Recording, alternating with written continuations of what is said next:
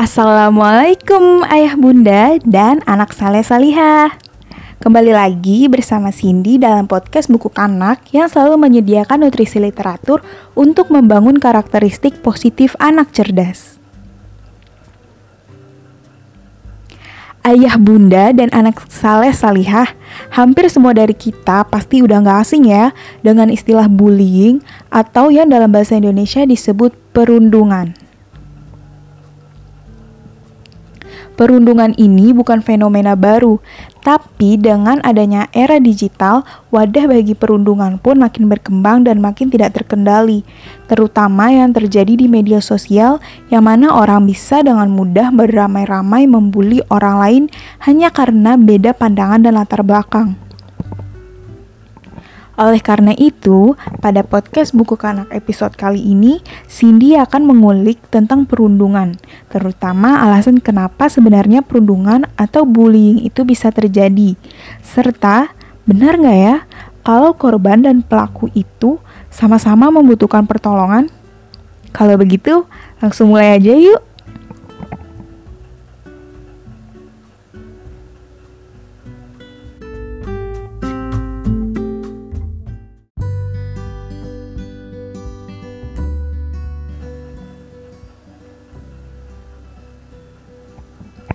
Ayah, bunda, dan anak saleh salihah, perundungan sebagai sebuah istilah merujuk pada perbuatan mengintimidasi orang lain yang dilakukan berulang kali dengan niat menyakiti, baik secara fisik maupun mental.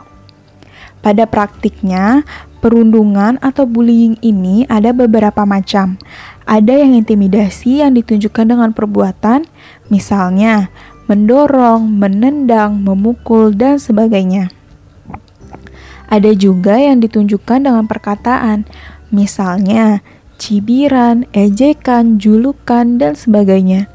Bahkan, ada juga yang hanya ditunjukkan melalui perilaku seperti tatapan sinis, dengusan, tawa mengejek, dan lain-lain. Nah, kenapa perundungan bisa terjadi? Kenapa ada orang yang merasa senang membuli orang lain? Dan Kenapa bisa ada orang yang terbuli?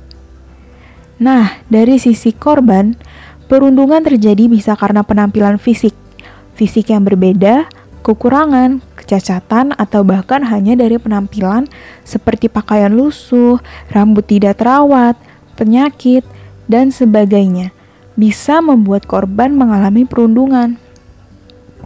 Selain itu, bisa juga karena perbedaan ras atau latar belakang budaya, atau karena terlihat lemah. Lemah di sini tidak hanya berarti secara fisik. Anak-anak yang pendiam, pemalu, tidak mudah bergaul, atau lembut biasanya dianggap lemah, walaupun kita tahu sifat-sifat itu tidak selalu berarti sama dengan lemah. Tapi memang kebanyakan orang mengalokasikan sifat-sifat itu dengan kelemahan. Sementara, kalau dari sisi pelaku, perundungan bisa dia lakukan karena kurangnya pendidikan akhlak, siraman rohani, ajaran-ajaran budi pekerti dari segi sosial budaya maupun agama, dan bimbingan orang tua. Bisa juga karena memiliki masalah pribadi yang biasanya berasal dari lingkungan sekitarnya atau bahkan keluarganya sendiri yang tidak harmonis dan mendukungnya untuk berkembang secara psikis dengan sehat atau karena sulit mengendalikan dorongan negatif naluriahnya sebagai manusia seperti perasaan iri, dengki, egois, tidak adanya empati, dan lain-lain. Dan ini semua terjadi karena tidak dididik dengan baik oleh orang-orang dewasa di sekitarnya yang bertanggung jawab untuk mendidik. Berdasarkan penyebab-penyebab itu, kita jadi tahu nih, pada dasarnya Perundungan terjadi karena ada kejomplangan yang terlalu kontras antara keadaan korban dengan pelaku. Ditambah orang-orang di sekitarnya yang seharusnya bertanggung jawab untuk mencegah dan menyelesaikan, ternyata malah tidak melakukan perannya dengan sempurna. Peraturan juga tidak dibuat dengan baik, atau kalaupun sudah ada, malah tidak dijalankan sebagaimana mestinya. Untuk itu, dalam setiap kasus perundungan, Baiknya kita tidak hanya fokus menolong korban dan fokus menghukum pelaku.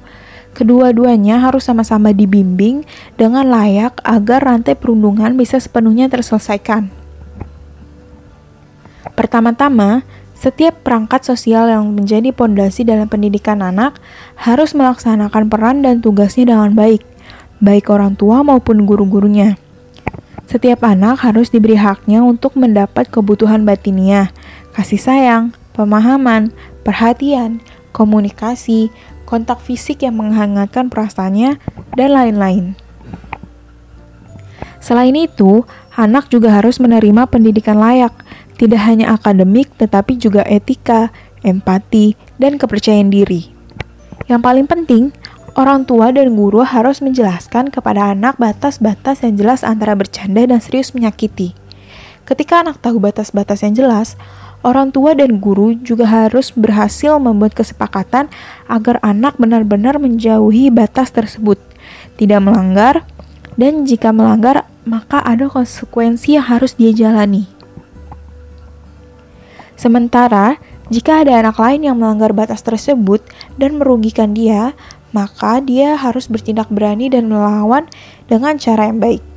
Jika perlu, dia bisa mengadukan perbuatan anak lain ini kepada orang-orang dewasa yang memang berperan untuk mencegah perundungan terjadi, seperti orang tua dan guru.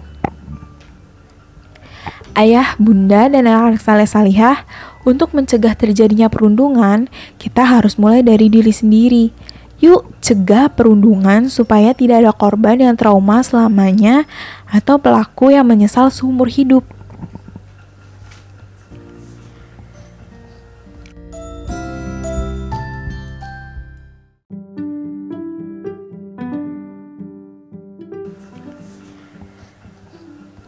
Bagi ayah bunda yang pengen mendidik anaknya tentang perundungan supaya anak ngejari korban maupun pelaku, coba deh kasih anak buku berjudul Katakan Tidak pada Perundungan.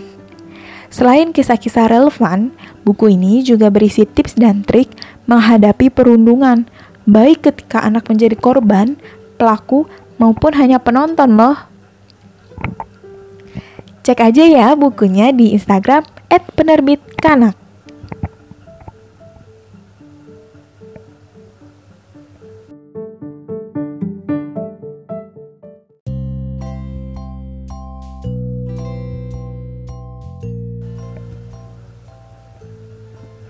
Nah, tiba waktunya podcast buku kanak episode kali ini berakhir. Cindy mau ingetin seperti biasa bahwa podcast buku kanak akan kembali hadir setiap hari Jumat. Pastinya dengan topik-topik lain yang gak kalah seru, menarik, informatif, dan edukatif. Sampai jumpa Jumat minggu depan. Cindy pamit undur diri. Wassalamualaikum warahmatullahi wabarakatuh.